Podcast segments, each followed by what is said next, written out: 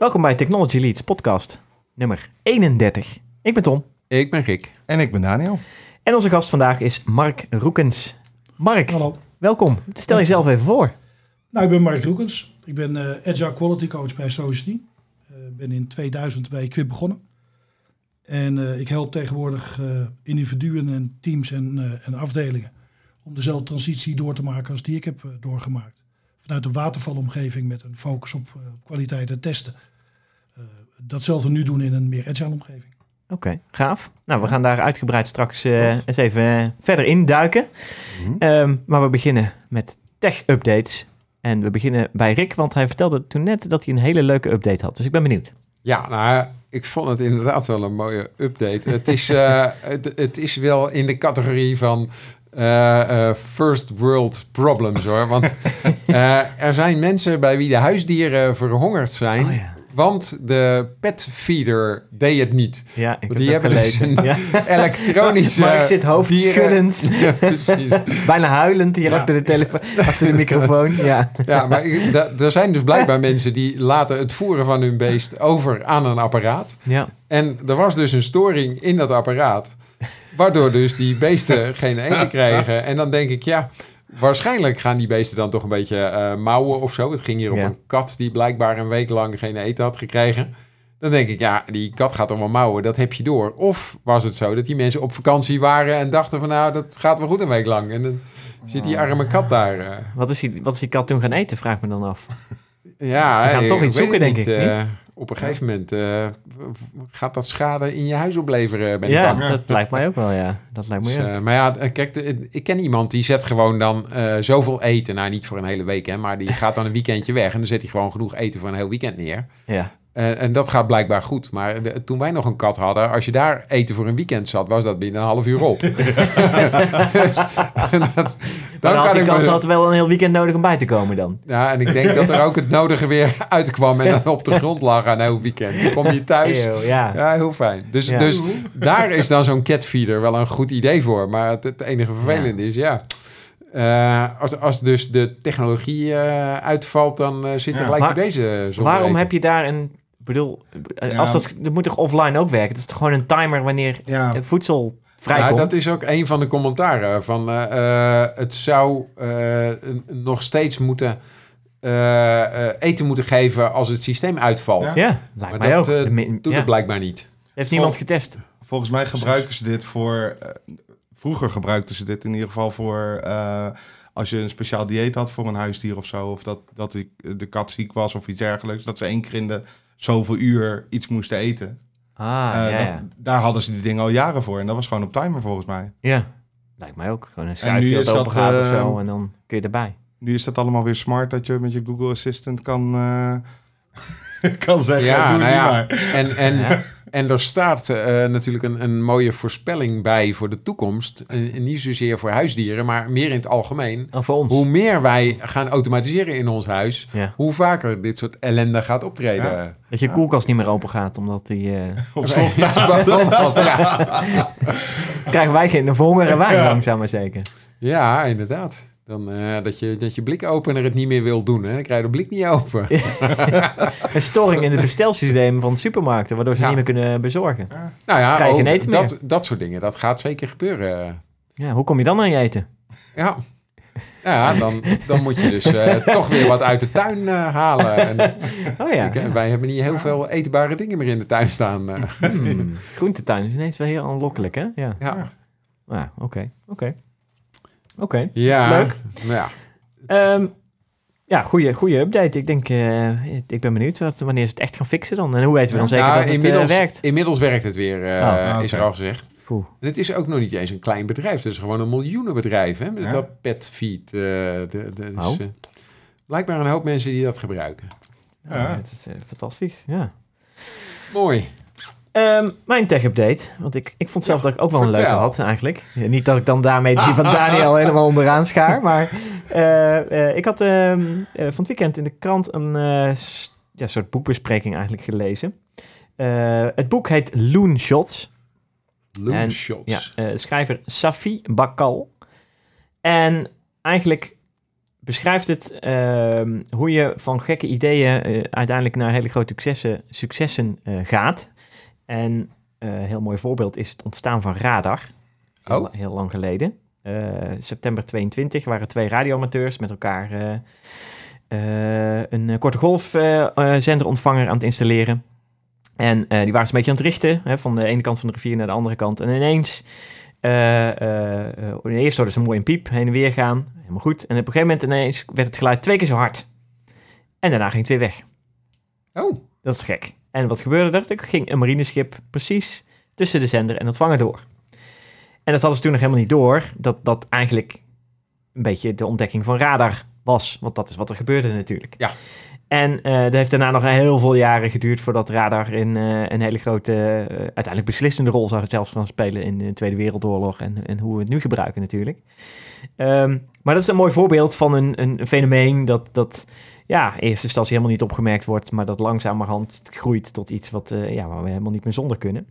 Eh, eh, en het gaat uiteindelijk, het hele boek gaat uiteindelijk over van hoe kun je een eh, van bedrijf, een klein bedrijf wat heel agile is, hè, dat linkt alweer mooi naar het onderwerp straks, agile is en heel makkelijk hippe nieuwe ideeën kan genereren, omdat je klein bent, omdat je korte lijnen hebt, omdat je agility hebt, hè, bewendbaarheid hebt en, en makkelijk out of the box kan denken en, en niet vast zit in, in ja, de logheid van een groot bedrijf. Mhm. Eh, eh, en hoe je dat, eh, als je dan eenmaal dat een geweldig idee hebt en heel hard groeit of expandeert, hoe je toch die wendbaarheid kunt blijven behouden. En toch de, de manier van denken die je had, hè, de, de, ideeën genereren, dat je dat kunt behouden of weer terug kunt krijgen in je bedrijf. En dat er soms best wel leuke natuurkundige fenomenen ja, aan de grondslag liggen om dat weer terug een, een, ja, een bedrijf in, eh, eh, in te duwen. En eh, ze beschrijven bijvoorbeeld faseovergangen van gas naar vloeibaar, vloeibaar naar, eh, naar, naar vaste stof. Hè? De starheid van de vaste stof. En dat je toch meer langs elkaar moet gaan bewegen in plaats van ten opzichte van elkaar een plek innemen, et cetera. En zo kun je een hele hoop natuurkundige fenomenen gebruiken om te laten zien wat de status nu is in je bedrijf. Die bijvoorbeeld groot gegroeid is. Of hoe dat wendbaarheid en flexibiliteit en genereren van ideeën juist heel, ja, heel erg tot, tot wasdom komt in een ander bedrijf. En waarom dat dan is en hoe je dat dan weer nou, vice versa heen en weer kunt eh, eh, eh, verschuiven. Nou, in ieder geval leek mij een heel interessant boek. Ik heb het boek Ja. nog niet gelezen, maar ik ga hem zeker bestellen en, Ja. en, en eens lezen. Gebaseerd op de boekbespreking was ik in ieder geval enthousiast. Klinkt goed. en, ja, want ja, we zien dat om ons heen ook gebeuren, zeg maar. Ja. Dat je denkt van, oh, ik heb een geweldig idee en dat het stuk geslagen wordt Ja. door de soms starheid van de eh, deel van de organisatie waar je in zit. Eh, Ja. en, en dat is soms jammer. Mhm. Eh, en ik denk, nou, wie weet dat dit boek weer eens wat nieuwe blikken geeft Ja. daarop. eh.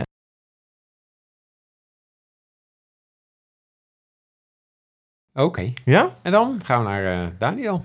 Ja, ik had een update over Facebook. Eh, die hebben nou sinds een aantal maanden volgens mij...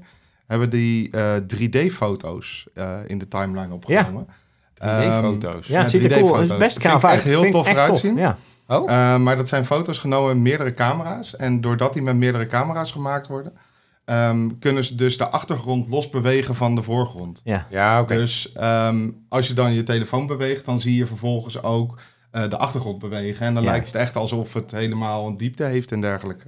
Ja, ik wou zeggen, want Ehm, echt 3D is het niet, hè? het, is, het is nee. meer diepte, zeg maar. Ja, het is gewoon diepte eigenlijk. En, eh, beetje hoe dat de oude 3D werkte in, eh, in de films, zeg maar, ja, bioscopen. Ja, Dat je Ja, je hebt- meerdere lagen had waar dingen bewogen. precies. Je had natuurlijk al de eh, portrait mode. Dat je dus kan Ja. zorgen dat het veel waziger wordt erachter. Dat je echt ook een beetje een soort van diepte-idee krijgt. Ja. Ehm, maar wat ze nu hebben gedaan is eigenlijk dat... ehm, ze hebben nu ook ehm, single-camera phones eigenlijk... eh, die 3D-foto's laten ondersteunen. Dus ze kunnen nu met één camera... kunnen ze dus ook die 3D-foto's maken... en die achtergrond helemaal... Maar hoe doen ze dat Ehm, dan? Want dan maakt hij dan gewoon meerdere foto's eh, achter Nee, nee, elkaar. nee, het is echt één foto. Het is één nog, foto. die portrait mode die je net beschrijft. Ja, Als je een foto in portrait mode maakt en je uploadt hem naar eh, Facebook, dan, Mhm. dan zegt hij al, wil je er een 3D-versie van maken? ja.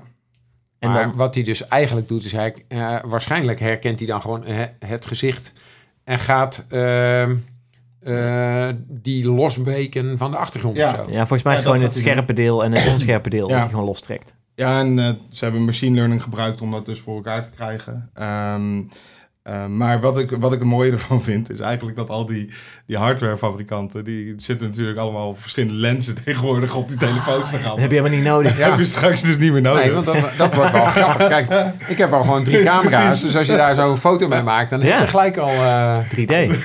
Maar voor een beetje goede eh, eh, ja, dieptefoto eh, moeten die camera's op zo'n afstand staan, namelijk de afstand van je ogen. Ja. ja. Hè, want het, zo werden vroeger ook stereofoto's gemaakt. Hè? ja. Daar, daar kan je ook het eh, Ja. achtergrond net iets anders Mhm. zien. Zeker. Ehm, dat is wel, eh, eh, dat, dat brengt mij weer naar hele oude technologie. Ja. Mijn, mijn, mijn opa heeft ooit zo'n Ponskaart? stereo... eh, nee, daar, voor die tijd. Voor Bij- de ponskaart. bij mijn moeder thuis staat nog eh, de zogenaamde kiekkast van mijn opa. Die heeft mijn opa ooit op de kop getikt in een... eh, volgens mij is hij in een café gekocht of zo. maar de- want, want je kon daar een cent in gooien en dan kon je een, eh, paar foto's kijken. En daar zaten dus stereofoto's in. Oh ja. En dan eh, twee lenzen waar je doorheen moet kijken. En dan nou, zie je je echt in diepte. 3D, ja. En dat is echt wel heel mooi. Ja. En eh, overigens is dat op dit moment ook best wel weer een heel populair fenomeen. Hè? Want er zijn Zeker. mensen die hebben gewoon... En dan koop je twee goedkope digitale camera's. Ja. Die zet je met een... een Elastiekje ander- tegen elkaar aan. Nou, niet een elastiekje, Oh. maar daar, daar kun je hele Houdertje. mooie houdertjes voor kopen. En dan 3D zitten ze printen. aan elkaar. En dan kun je ze met een kabeltje aan elkaar verbinden... zodat als je er één afdrukt, dat ze allebei afgaan. Ja, en dan heb je hele mooie eh, stereofoto's. Dus... eh, Cool. Maar, ja, het kan eh, dus ook maar, gewoon eh, softwarematig. ja, nu wordt het dus, Dus- allemaal softwarematig gedaan. eh, en zeker dat het met maar één camera eh, Ja? kan, vind Ja. ik wel heel knap. Ik ben heel benieuwd hoe ze dat doen. Ja, nou, nou ben ik ook benieuwd wat die hardwarefabrikanten gaan doen. Want dit zou best wel eens kunnen betekenen dat ze Terug naar de één camera. Terug naar één camera gaan.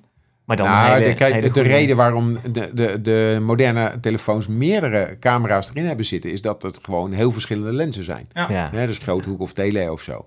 Ja. Maar het zou mij niet verbazen als er dus straks op de achterkant van je telefoon er twee camera's zitten, maar die dan zo ver uit elkaar zitten als normaal je ogen uit elkaar zitten, zodat je daar stereofoto's mee kan maken. Ah. Dat is Het zou een leuk eh, nieuw idee zijn voor een eh, telefoonfabrikant. Ja. Als we toch ideeën aan het genereren zijn. Hè? Ja, Om dat te maken. ja.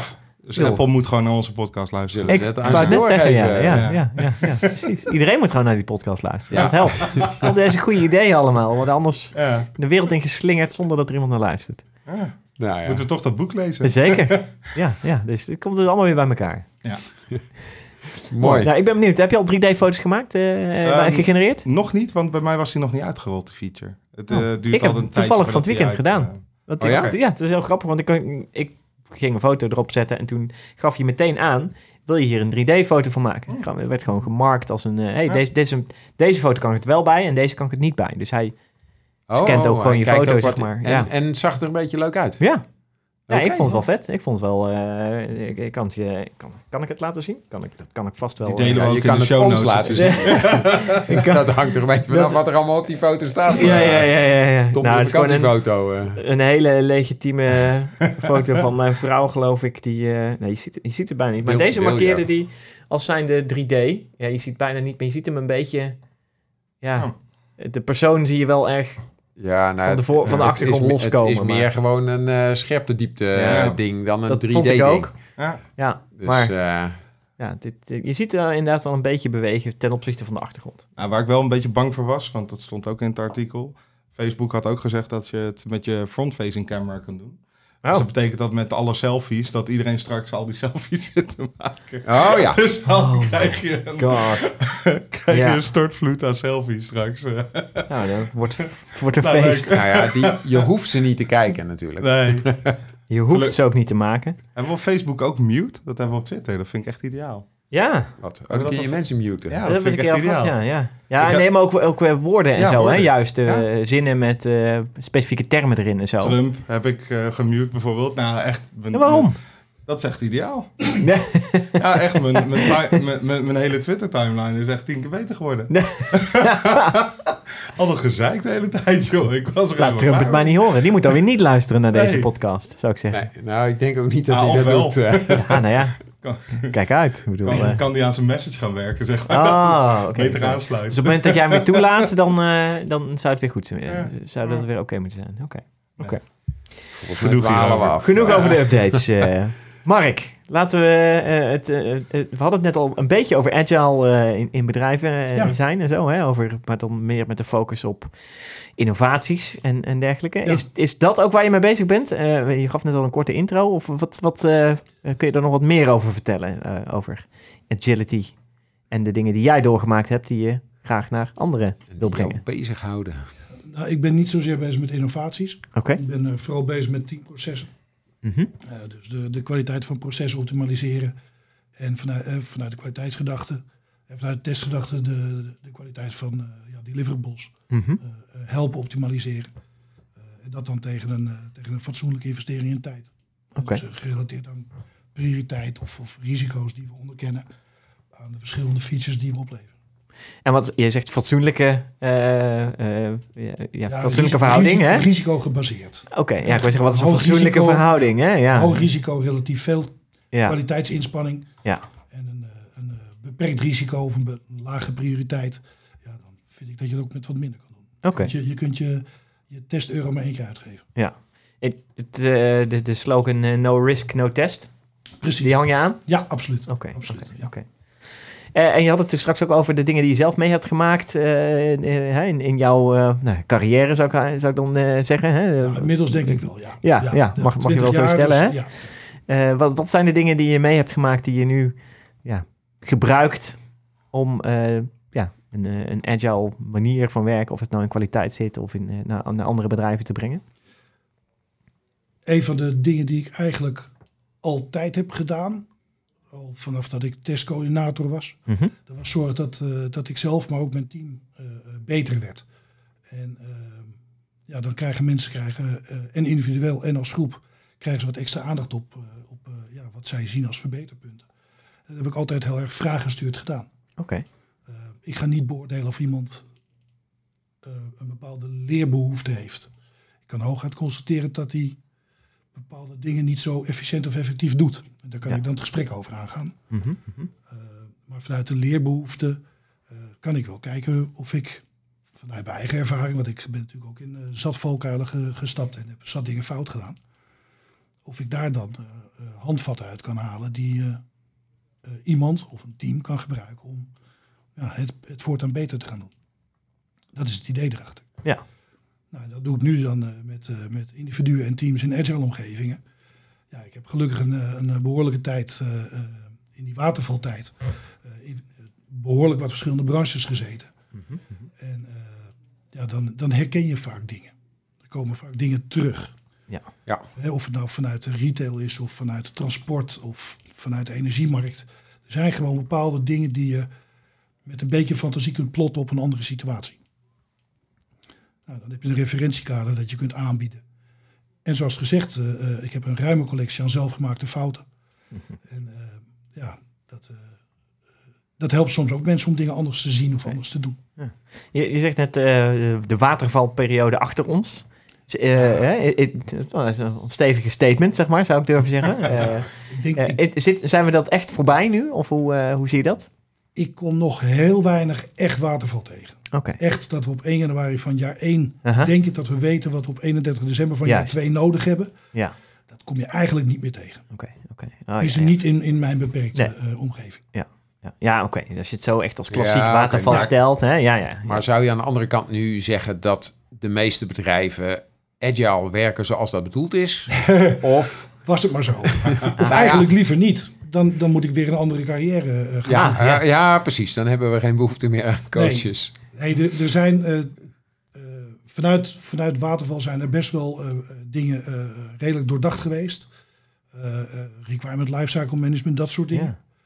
Ja. Ehm, maar dat, dat begon eigenlijk pas echt los te komen toen we iets iteratiever gingen werken. DSDM, een beetje die tijd. Ja. Ehm, dan veranderde er wel eens iets aan de wensen en dus ook aan acceptatiecriteria en misschien ook wel aan testgevallen en zo. Ehm, dus daar, ja, helemaal waterval, nee. Maar daar- er zijn nog wel een aantal elementen die je daaruit nog steeds kunt hergebruiken. Oké, oké, oké. Ja, en je vertelde mij eh, eh, een tijdje terug dat je bent eh, vaak ook met SAFE bezig. Hè? En SAFE is natuurlijk eh, agile op grotere schaal Ja. binnen grote organisaties. Ja. Ehm, En ehm, ja, vaak wordt Safe gezien als een beetje een mengvorm. Hè? Dus het, het heeft wel, eh, het is gebaseerd op agile, maar het is niet. eh, kijk, één team kan de boel niet, eh, niet bepalen. Dus Nee, precies. wa- wa- een- wa- waar loop je ze al tegenaan als organisaties dan dus op grotere schaal agile willen en, en hoe helpt Safe daarbij? Een, een gedeelte zit puur in het voorbereidingsproces. Als je hele grote functionele eenheden gaat opdelen, omdat je ze door verschillende teams wil laten maken, dan, eh, dan krijg je gewoon afstemmingsuitdagingen. En die moet je op tijd ondervangen. En daar is Safe wel heel aardig eh, eh, mee bezig.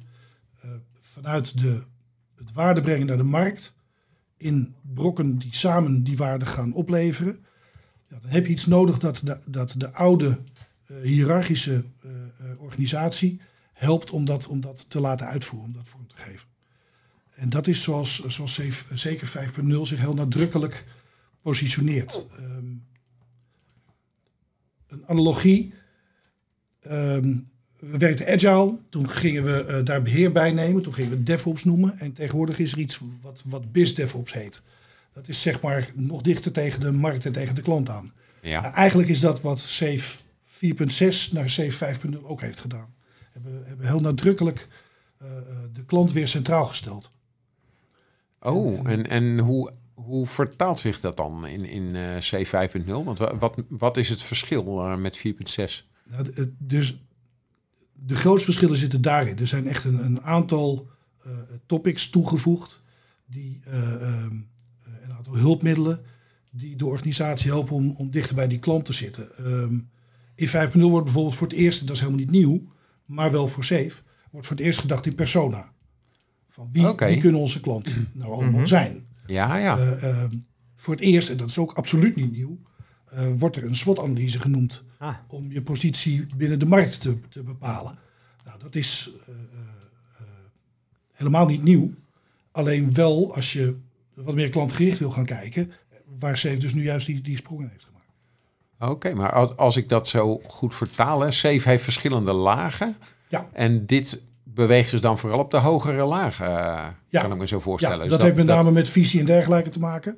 Dus dat zit op de wat hogere, ja, ja op de hogere laag, Precies, op de dus, hoge de, dus de, de individuele teams merken hier nog niet eens zo heel veel van, maar dit gaat meer richting de, de product owners en eh, ja, de product mensen die daar weer boven zitten. Ja, Epi- Epic owners.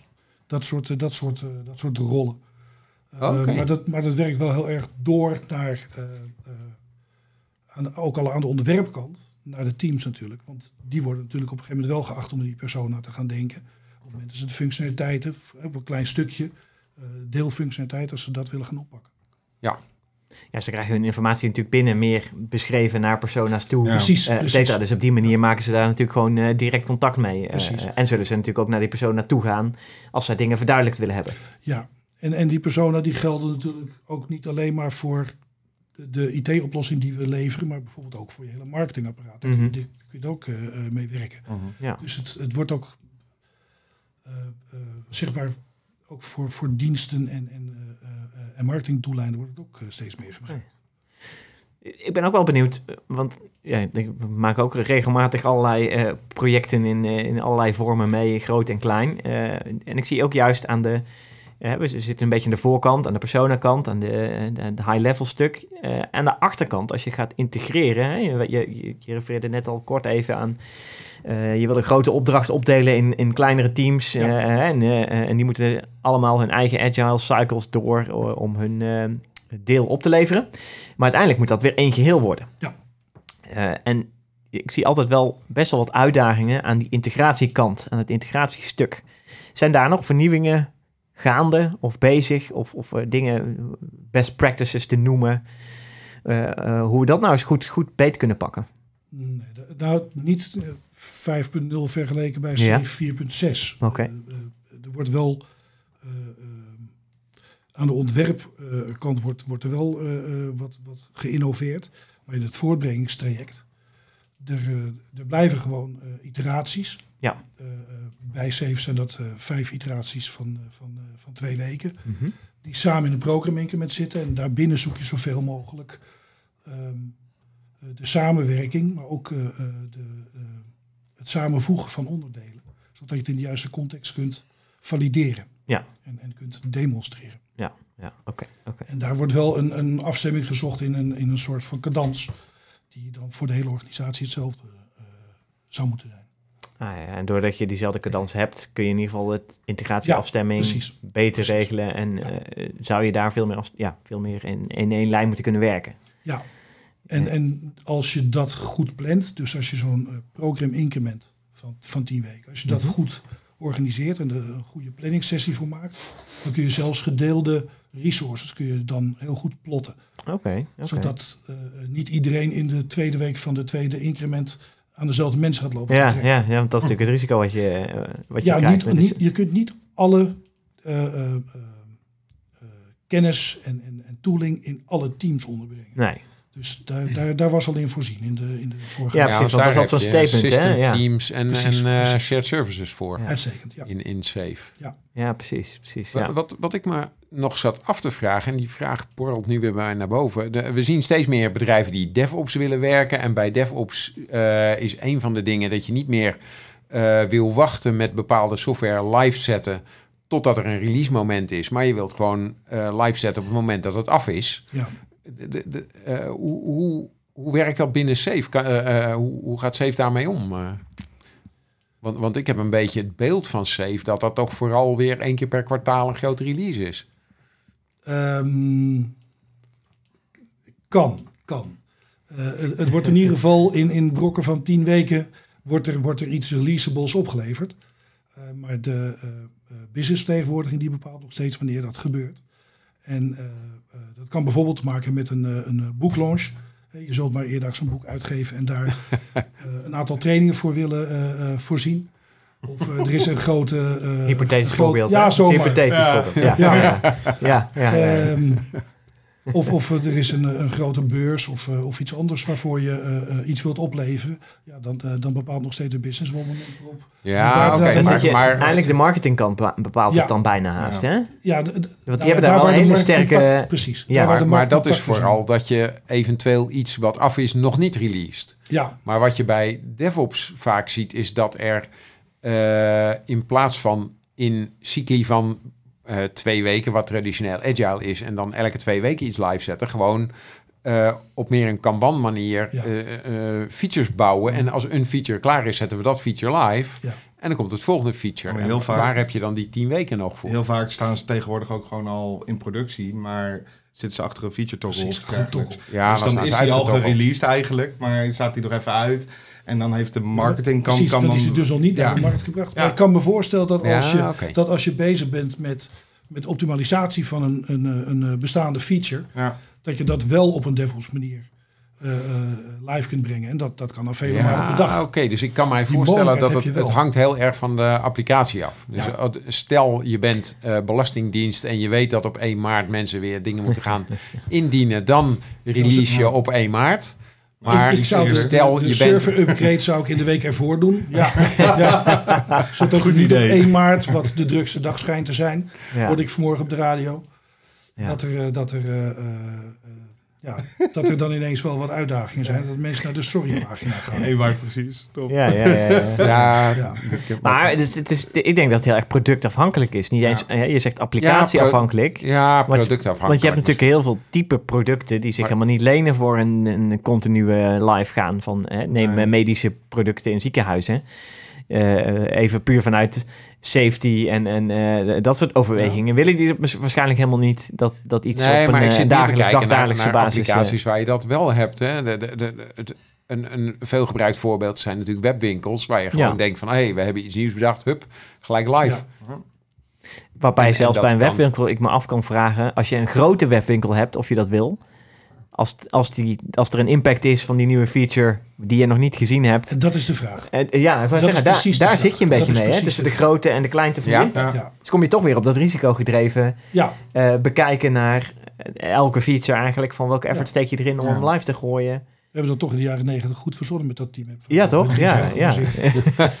Risk-based testing Ja. en zo. Is, Maar wat ik, ook, wat ik ook heel veel zie tegenwoordig is dat ze met rings werken. Dus dat je ring ring 1 hebt of 0.5. En eh, dat je dan ehm, flighting hebt, zeg maar, van je features. Dus Ja, maar met een ring bedoel jij een bepaalde groep die geïmpact wordt. ja, precies. En dan Dus eerst dan- een heel Ah, zo, kleine dus schaal en dan langzaam. net over Ja. Facebook begon, die feature is bij mij nog niet uitgerold. ja, precies. Oké, ja. Ah, Dat, dat, ja, echt ja, eh, ja. die rings, zeg maar, dat je echt het, eh, door Ja. de hele wereld heen laat gaan. En dan de laatste ring is dan worldwide Ja. released. Ja. Maar, maar zo zie ik heel vaak, zie ik daar steeds meer techbedrijven zie ik dat gebruiken. En dan ook eigenlijk een stukje testen, daarin meenemen van dat je eigenlijk een, een eindgebruiker dingen laat testen. Ja, Ja, oké. dus dan precies. heb je eigenlijk ook- monitoring en dan op je live ja, omgeving. Maar je kunt dus ook AB-testing gaan doen Ja. natuurlijk, alvast in een vroeg stadium. Ja, dat soort dingen. En andere rings, inderdaad. De dus- petfeeder had getest kunnen worden in een eerdere ring Ja. misschien. In Ja, plaats van dan worldwide er erachter te minder komen. beesten verhongerd. Ja. Ja, precies. Eerst maar zonder beesten testen of zo. Ja, met een ja, ja. cameraatje erop. Ja, ja, precies, inderdaad. Met een IBO. Oh ja, inderdaad. Dan kun je zo'n robothond gebruiken om je petfeeder te testen. Maar dan Ja, moet die robothond wel in ieder geval dat eten uit dat bakje halen. Dat hij het dan daarnaast weer Oh, maar dat, dat eh. kan vast. Dat, Dat, kan kun je vast. vast Ja. digitaal ook eh, simuleren. Of En dan in plaats van eh, het te verwerken, gewoon rechtstreeks in het afvalbakje Ja, gooien. ja, Ja, ja. ja. inderdaad. Oppakken en, en soort apport. Ja, ja. nou ja, maar of, Ja. of gewoon naar de, naar, de, naar de bin. Ja, Ja, ja, dat het in ieder geval, maar dat hij het niet ja. in het gras gooit of zo. eh. Ja, ja, ja. maar ja, ring zou dus wel een interessante dat is manier inderdaad om wel een, een mooie idee. Eh. Moet je heel Weer een goed dat idee. Ik, dat ik dat nog niet ben tegengekomen in de organisaties die ik heb gezien die een safe Oké. implementatie hebben. Die Nee? hebben vaak één, twee, drie grote applicaties die heel veel met elkaar te maken hebben. Ja. Eh, eh, grote front-end en grote back-end systemen Ja. bijvoorbeeld. Ehm, en en daar, daar speelt dat volgens mij een Ja. stuk minder in. Eh, maar ik kan me voorstellen als je, als je ja, iets, iets eh, eh, in de trant van, van Facebook of zoiets hebt, Ja, waar, waar eh, eh, hele, heel veel individuele gebruikers op zitten, dat, Ja. je, dat, dat je dat zomaar kunt, eh, kunt eh, gebruiken. ja ik zie het heel, heel vaak bij SaaS-diensten eigenlijk. Dus als je kijkt naar eh, een Microsoft doet het heel veel, een Google doet Ja. het heel veel, een Facebook. Nou, echt de, be- de bekende grote techbedrijven die hebben heel vaak producten die je afneemt en die dan met rings werken. Ja. Dus Slack doet het ook heel veel. Ja. Die zijn er volgens mij zelfs mee begonnen. Sp- Spotify doet er ook aan mee. Nou, zo heb je er heel wat. Dus eigenlijk in de microservices hoek, zeg maar, speelt dat misschien wel veel Ja. meer dan in ja, wat, jij, Ja. hè, wat, wat Ja. Mark net zegt, die grote, eh, grote diensten die een grote frontend en een Ja. grote backend nog hebben. Maar goed, daaronder zitten misschien ook wel weer gefragmenteerd honderd kleine eh applicatietjes. Of is het echt nog steeds Mm. gewoon grote frontend, grote backend en die werken, doen dingen samen? Nou, de, de- de, de organisatie die mij even het meest Ja, ja. eh, eh, voor het oog komt, toen ik daar wegging, toen hadden ze 26 teams, waarvan 20 teams die twee grote applicaties werkten en zes klantgerichte teams. Dan zou Oké. ik bij die klantgerichte teams zou ik me er nog iets bij kunnen Ja, voorstellen. ja, ja, precies. Ja, ja. ja Dat- omdat je dan veel dichter op de business zit Precies, natuurlijk. precies. Ja, dat is dan, eh, dan Hmm. eh, echt klantspecifieke eh, eh, functionaliteiten in plaats van eh, het generieke gedeelte. Ja, dus misschien krijg je wel een soort, nou, ik zal niet zeggen tweedeling, maar je krijgt wel een soort afsplitsing naar eh, nou, meer klantgerichte teams en, en de teams die wat verder daarvan af zitten. Het Die is dus op erg- een ander, toch een ander soort manier, maar Ja. nog steeds binnen het eh, Agile Framework samenwerken. ja, het is bijna objectgeoriënteerd. Hè? Ja, Alle auto's hebben vier wielen tenzij ze er geen vier hebben. Dus voor alle organisaties wordt dit en dit gebruikt tenzij ze toch iets anders gebruiken. Dus dat, dat zou zomaar kunnen, ja. ja precies. Oké. En is dat ook iets waar Safe, zeg maar, langzaam... Ja, we zijn van 4.6 naar 5.0 en natuurlijk gaan we volgende stappen maken, zeg maar. Eh, Ja, maar goed, zo'n diversiteit zul je misschien niet gaan zien binnen Safe. Nou ja, als er verschillende persona gehanteerd Oh ja. verschillende customer Ja. journeys en, en, en dat- varianten op value streams, kan dat- ik me voorstellen Ja. dat daar wel dat daar ruimte voor is. Ja, De vraag is even hoe, ehm, eh, de wens is om flexibel eh, te zijn ja. bij organisaties die, die vele duizenden eindgebruikers vertegenwoordigen. Ja. Maar daar gaat het over. Ja, en dan kun je nog wel weer onderscheid maken tussen duizenden eindgebruikers of duizenden individuele eindgebruikers. Hè? De, Ja. de, eh, waar we het net over Ja, hadden. die zich Facebook heeft individueel die- aanschrijven. Ja, die, eh, ja, precies. Want je hebt, dat daar heb je Ja. natuurlijk ook nog onderscheid in. ja, Ehm, ja, maar ik kan me wel voorstellen dat dat ook een impact heeft op de ja, Ja. product wat je aan het bouwen bent, eh, aan het bouwen bent met z'n allen. Maar nogmaals, dat er, de organisaties waar ik in heb rondgekeken, die een, Mhm. eh, een enige vorm van safe implementatie hebben, want de ene is echt absoluut de andere niet, Ja. eh, die, die hebben daar niet mee te maken. Die zijn echt bezig met, met, eh, eh, met grote applicaties die, eh, ja, dat zeg ik, grote back-end systemen en grote Ja. front-end systemen die dan wat met elkaar te maken hebben en, en aanhaken hooguit op, dit was in de financiële wereld, op, op de systemen van een aantal eh, eh, financiële instellingen. Ja, ja, ja, ja, precies. Ja. Nee, ja, ik zit toch gelijk de vertaalslag te maken, zeg maar, meer naar, naar mijn eigen eh, eh, high-tech digital manufacturing Mhm. domein. eh, waarbij je veel meer met fysieke producten te maken hebt. En, en niet alleen een stuk software of een, een grote front-end, back-end Mhm. aan het integreren bent, maar dat je ook nog een stuk hardware en, en binnen hardware ook nog elektronica, mechanica, et cetera, kunt onderscheiden. En dan, dan wordt het een enorme diversificering van, eh, van teams die bezig zijn en die uiteindelijk ook samen weer iets moeten integreren tot iets. Dat gebeurt natuurlijk wel. Boeing Ja. werkt ook volgens een unsafe implementatie. Ja, wou ik zeggen, dat, daar En- gebeurt en- dat natuurlijk ook, ja. Oh, en ja? Toyota natuurlijk Ja. heeft natuurlijk dit soort ding, die dingen ook, ja. Ja, ik weet niet in... Van Boeing weet ik zeker dat die een safe implementatie hebben. Maar is dat dan eh, gericht op wat ze voor de vliegtuigen maken? Of is dat meer voor de interne administratie? eh? Eh, Beide. Het zit, het zit ook in het eh, manufacturing gedeelte. Oké. Maar er zit ook heel nadrukkelijk inderdaad administratieve eh, eh, kant aan. En tegenwoordig, eh, ik kan me zo maar voorstellen dat ze met die 5.0 versie van Safe, dat ze ook behoorlijk aan de marketingkant Ja. gaan, gaan diversificeren. Ja, natuurlijk, ja. Ja, juist, juist is dat interessant, zeg maar. Omdat je natuurlijk een, een- eigenlijk elk product zo dicht op, op de eindgebruiker zit. Hè. Een vliegtuig, uiteindelijk hebben wij natuurlijk... De, de impact van het vliegen is, is zo groot. Eh, kijk naar de, de 747 MAX eh, situatie waarin... 737. 737, Ja, sorry. precies. Eh, ja, Maar- dat is wel een verschil. Maar, maar hoeveel verschillende... Stel Ja. je voor dat wij met z'n vieren en we pakken er nog een, een aantal mensen bij. En we gaan allemaal dezelfde vlucht maken. Maar allemaal met een ander pakket aan aanwezige diensten. Ja. ik wil wel graag een broodje. Ja, Eh, jullie misschien niet. Eh, de plek waar je wil zitten in het Precies, vliegtuig. meer beenruimte of niet. Of ik exact. wil graag aan het gangpad. Of in vroeg instappen of niet. Veel Precies. bagage, weinig bagage. hoeveel Ja, verschillende prijzen kun je, kun je verzinnen... ja, die wij individueel moeten afrekenen... voor eigenlijk dezelfde reis. Maar juist met die persoonsgebonden eh, details erbij. ja. Nou ja, Dat- dat is, dat is waarom IT-systemen tegenwoordig ook zo complex zijn. Ja, Omdat je al die verschillende dingen hebt. eh, en, en, Nog even los is- van eh, de tijd wanneer je boekt, zeg maar. Vroeg of laat. ja, ja, precies. En, Ja. en hoeveel mensen er interesse in diezelfde vlucht hebben. Ja, En ik, ik heb zelfs het gehoord is, dat het aantal keren dat je informeert naar de prijs. ja, dat die al impact hebben. dat die op al de- Ja. impact hebben op de uiteindelijke prijs. Oh, Ja, je ja. wilt wel heel erg graag. Ja, ja. Oh, dat is wel, Ja, dan precies. kan ik, wil je ook wel meer betalen nu. Ja. Of, Ja. hey, u zit ook bij andere maatschappijen te, te kijken. Ja. Oh, laten we de prijs maar weer iets lager doen. ja. Ja, Ik ben benieuwd of ze daarachter kunnen komen. Ja, ik heb wel. sterk de indruk dat ze dat Zeker. kunnen. Want Ja. mijn dochter die moest een keer een reis boeken. En opeens werd de KLM eh, aanmerkelijk goedkoper dan we gewend waren. Maar was dat op de KLM-website of op een prijsvergelijking website? Dat weet ik Want daar is ook nog wel onderscheid in te maken Het was in ieder geval zo dat ze toen ze heel veel op andere maatschappijen zat te kijken, werd opeens de. KLM eh, goedkoper. En toen Ah. heeft ze die toch geboekt. eh. Ja, ja. Oké. Ik kan op eh, prijsvergelijkingswebsites me namelijk voorstellen dat, dat die wel dat inzicht, juist dat Ja. inzicht hebben. En dat Ja. die dus zo eh, eh, een bepaald wel. bedrag kunnen verdienen per maatschappij. En dat ze dus ook marges hebben waar ze mee kunnen spelen, et cetera. En dat optimaliseren ja, natuurlijk. wat ik tegenwoordig het meest irritant vind aan al die prijzen is dan, dan heb je eindelijk een eh, vlucht gevonden en dan denk je, nou, deze wil ik wel. En dan eh, wi- willen we ook een, eh, weten waar u komt te zitten. Oh, dat kost dan weer 6 euro Ja, eh, voor een stoel. En wil je misschien bagage meenemen? Hoeveel bagage? Oh ja, dan oh. wordt het ook weer duurder. En voor je het weet is die vlucht bijna twee keer zo duur geworden met al die dingetjes die je extra wil. Ja, maar ja, bij een andere vlucht had het waarschijnlijk ook zo geweest. Alleen dat weet je niet. Eh, ja, nee, de- tegenwoordig is dat bij bijna Ja, alle maatschappijen. Word je precies. echt- ik, ik word daar stapelgek van. Ja. Eh, ik, Ooit van loyalty-programma's gehoord? Of? ja, dat weet ik. Ja, da- daarom... eh, dat dat wel, helpt, hè? ja, dat helpt wel, ja. Dat helpt dan. Ja, je dan mag je niet gratis voor je- één stuk bagage in. Maar je precies. gratis koffer meenemen. Ja. Ja, dat klopt. Ja, ja. Dus, eh, maar dan moet je wel weer regelmatig vliegen. En dan, eh, Precies, met Ja. dezelfde maatschappij. ja, precies. ja, met name dat, ja. Want Ja, anders moet- dan heeft het ook geen zin. Moeten ook niet al die vluchten gecanceld worden. Nee, precies. Dat helpt ook niet, inderdaad. Of het nou door een storm is of door een virus. eh waardoor dingen ineens niet Ja. meer of minder doorgaan. Ja. Ja. Eh, Maar ook daar moet je natuurlijk eigenlijk weer agile mee omgaan. Nou ja, inderdaad. Zou ik haast zeggen, ja.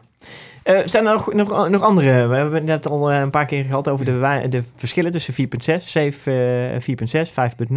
Ja. Wat, wat zijn nog... eh, Nou, er, er zijn een aantal kleine, kleine veranderingen. Oké. Er zijn een aantal eh, eh, eh, topics die een andere, andere titel hebben gekregen. mhm. Sommige. eh, ja, heel, heel, heel klein voorbeeld. Ja. Ehm, tijdens de PI-planning eh, worden, worden eh, objectives per, per team worden, worden afgegeven. Daaraan wordt gecommitteerd. Dat gaan we de komende tien weken maken. Ja. En dan, dan is er ruimte om een soort van bubbling under. Om nog een aantal reserve topics ook op de lijst te zetten. Daar word je niet op afgerekend als je die niet levert. Maar valt er tijd vrij en je pakt ze toch op, dan, dan doen ze wel mee voor de waarde die je hebt opgeleverd. Ja. Nou, dat heette vroeger stretch objectives. Ah, oké. En dat zijn nu uncommitted objectives. Nou, dat soort kleine dingen zitten erin. Hm. En de plaat zelf is, is eh, behoorlijk eh eh, gerestyled. Ehm, waardoor Ja, met de plaat bedoel je de, de zogenaamde big picture. eh, Precies, Van, eh, precies. ja. Ja. Als je de, eh, de, de big picture, de, de klikplaat, waar dus de vier configuraties naast elkaar staan in een soort van Juist. tabbladen. Die is, die is duidelijk anders vormgegeven, waardoor die veel beter leesbaar is. Mhm. En er is, eh naar aanleiding van dat, dat hele customer centricity en business agility verhaal, is er gewoon een heel tabblad overview bijgekomen. Oh. Waar, ja, daar zitten eigenlijk de, de, de grote dingen. Die hebben echt allemaal te maken met, begrijp nou eens veel beter wat de uitdaging van je klant is. Mhm. En, en eh, hoe je daar op een, op een eh, houdbare manier eh, de juiste oplossing tegenaan kan zetten. Dat soort dingen, dat zit er, dat zit er echt, echt veel meer in. Ja. Maar de rest zijn, zijn ja, vooral kleine dingen, kleine optimalisaties. Er zitten eh, een paar mooie nieuwe verhalen in. Mhm. Ehm, weet niet, zijn jullie horlogedragers? Toevallig wel, ja. Ja. Ja, zeker. Een- Ja. Gewoon normaal Ja, eh, klok, eh, klok om de pols. Weet je, Ja. weet je wat op dit moment de grootste horlogefabrikant is? En sinds wanneer die horloges maken? Eh, Apple misschien, Precies. denk ik. Ja. Wanneer zijn die begonnen met horloges maken? Oh, zijn nu jaar vijf- generatie 15? 5, dus... eh, 15? Zoiets, 2015? ja. 2015. Ja, dat Ja, Een jaar of vijf de- geleden. Ja. Ik wil Dus die zeggen, zijn generatie 5 zijn we nu, dus dat zal zijn vijf in jaar vijf geleden zijn. jaar ja. tijd zijn die van niet naar de grootste, Grootste gegaan, ja. in, in eh, termen van afzet hè, van stuks. Ja, Nou, dat, dat soort, eh, dat soort eh, eh, verhalen zitten nu veel meer in de, in de, in de training. ja. En, en daaruit blijkt wel dat, dat het een enorme vlucht heeft genomen, het op schaal denken. Het is eigenlijk een beetje wat, wat net... Wat in dat boek Loonshots beschreven staat, hè? De, die, die, die daar moest ik dus ook aan ja, denken. Ja, nee, dat is natuurlijk een hele mooie, mooie link, zeg maar. Ja. En je, en je merkt, maar dat is niet zozeer aan het aan, eh, binnen C, want die, die zijn redelijk vast in hun terminologie. Mhm. Maar er, er wordt in bepaalde safe-implementaties wel heel erg leentje buur gespeeld bij bijvoorbeeld het Spotify-model. ja. Of hè, voor, voor de cretologie, hè? Oké. Ja. Eh, eh, bijvoorbeeld gildes, Ja. guilds. De guilds, ja. Hè, dat, dat, eh, ja, dat, eh, Vindt zijn weg nu ook gewoon in... Ja. eh, Ja, dat begint Een- een langzamerhand een, dergelijke- mainstream term te worden. ja, precies. Dat is wel Ehm, waar, Maar ja. in, in, eh, in eh, Zeven is dat een, een eh, eh, community of practice. Hm. En, en, maar iedereen gebruikt het door elkaar. Net als Ja. een tribe of een Ja. agile release train. Dat wordt ook behoorlijk door elkaar gebruikt. Nou, volgens mij komt tribe heel erg uit, eh, uit Spotify. Zeker. Ja, zeker. Ja. Dus, dus die kruisbestuiving of het, het, het eh, eh, ja, een beetje een mengvormpje maken. Want je, je sta- staat je natuurlijk vrij om gegeven de, de organisatie, de context waarin je een safe-implementatie gaat Tuurlijk. doen. Om daar bepaalde keuzes in te maken en, en, en terminologie te kiezen die daar een bepaalde betekenis Ja. heeft. Eh, en dat maakt het niet heel erg veel eenvoudiger. Mhm. Want net als net met, dat, eh, eh, met die prijzen van die vliegtickets, je kunt wel heel verschillende implementaties krijgen van eigenlijk hetzelfde framework op verschillende organisaties. En nou, de een werkt beter dan de ander. Ehm, maar het wil niet zeggen dat degene die wat beter werkt, dat die in alle organisaties weer beter werkt. Dus het is heel erg afhankelijk van, van de, Ja. de staande organisatie Ja. welke keuze je kunt en zou moeten willen maken. Ja. En dat, eh, daardoor krijg je ook een enorme diversiteit. En daardoor krijg je volgens mij ook dat binnen bepaalde organisaties bepaalde terminologie of, bepaalde rollen eh, per se eh, een plek moeten vinden, zodat het herkenbaar blijft. Maar Worden nee, gewoon ja. niet alle rollen worden, ja, vanuit de oude watervalwereld worden gewoon niet alle, alle rollen uit de hiërarchie worden, worden per se weer overgenomen. En ik kan me ook voorstellen dat niet, dat, wat we het net eigenlijk over hadden, dat een hele hoop bedrijven in verschillende fases van, van agile zijn zitten. Hè, de, eh, als je nog klein bent en, en een hele hoop eh, nieuwe ideeën spuit en, en heel hard gaat om die te realiseren. Of je bent een bedrijf dat, dat, dat vijf jaar verder is. Hè, nou, of nou een horloge maken is of iets anders. eh, wat ineens gegroeid, explosief gegroeid is in, in die vijf jaar. Wel met een heel succesvol product of dienst. Maar je wil nog steeds, je wil dat vast blijven houden, zeg maar. Maar dat is, dat is natuurlijk voor de verschillende fases ook, ja, is je implementatie van, van agile werken is anders. Of zal je misschien kan, een, eh, een, een, een wijziging door moeten voeren, zeg maar, om Ja. weer misschien wel terug te gaan naar de, ja, tussen aanhalingstekens, oude, eh, ja, eh, innovatieve Mhm. mindset die je had. Ik kan me voorstellen dat een, een, een kleine organisatie met al zijn flexibiliteit en, en, en, en, creativiteit en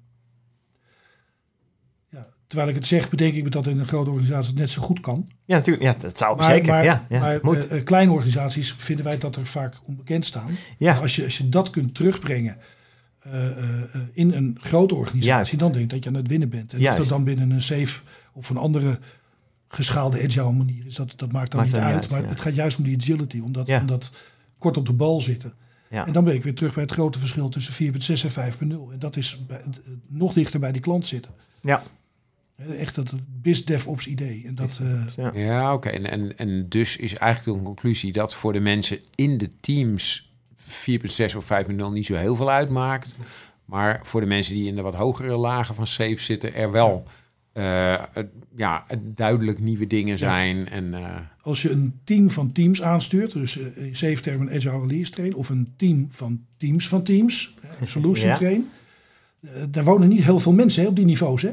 nee, Want de mensen zitten in de teams. Juist. Ja. Maar de, de afstemming daaroverheen en het verdelen van het werk en, en het, het eh, eh, eh, creatief innovatief zijn, gegeven je, je bedrijfsvisie, je langetermijnvisie, ja, dat, dat schept de kaders waar, waar in de teams in wordt gewerkt. En dan maakt het inderdaad voor die teams niet uit op welke manier een bepaald idee tot stand gekomen is. Ze krijgen gewoon een brok werk. Ja, ze krijgen Wat steeds dezelfde wat ze- input. Ja.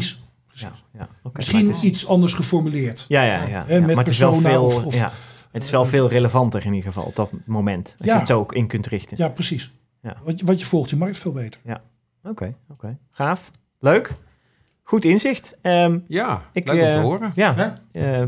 de business veel dichter in, eh, eh, in, in, in, de agile wereld. Nou, dat is mooi om te zien dat Ja. die wijziging of die, dat Ja, verschil van 4.6 naar tendens, 5.0, eh, dat die trend nu eh, ingezet is. Ja. Eh, daar gaan we vast nog veel meer van horen. Ik ben erg benieuwd wat er in de volgende nou weer gaat zitten. Ja, dat, daar ben ik ook... Deze zag ik niet aankomen. Oké, Nee? oké. Nee, nee, nee. Ja, oké. Nee, Ik zag dus- van 4.5 naar 4.6 zag ik de overheid al niet, eh, al niet aankomen. Ah, Maar dat, eh, de dat heeft, een heel, Ja. heeft een heel mooie plek gekregen. Want de overheid met compliance en andere dingen. Ja. Eh, eh, ja, en, en ik was echt benieuwd wat er dan in de 5.0 zou komen. Ja. Eh, ik was aangenaam verrast. Oké, oké. Dus je durft nog geen voorspelling aan voor de volgende... Nee, nooit. Nee, nee. oké. Echt We Nou, gaan het rustig zien. We gaan het Ja. rustig afwachten en we gaan eerst dus even hiermee aan de slag, denk ik. Ja, Yes. Helemaal goed. Eh, ik ga je bedanken voor eh, eh, eh, eh, je aanwezigheid in onze podcast. alsjeblieft. Erg leuk. Eh, Leuk dat je er was. luisteraars bedankt. En ik zou zeggen tot de volgende podcast. Ja, Tot de volgende tot de volgende keer.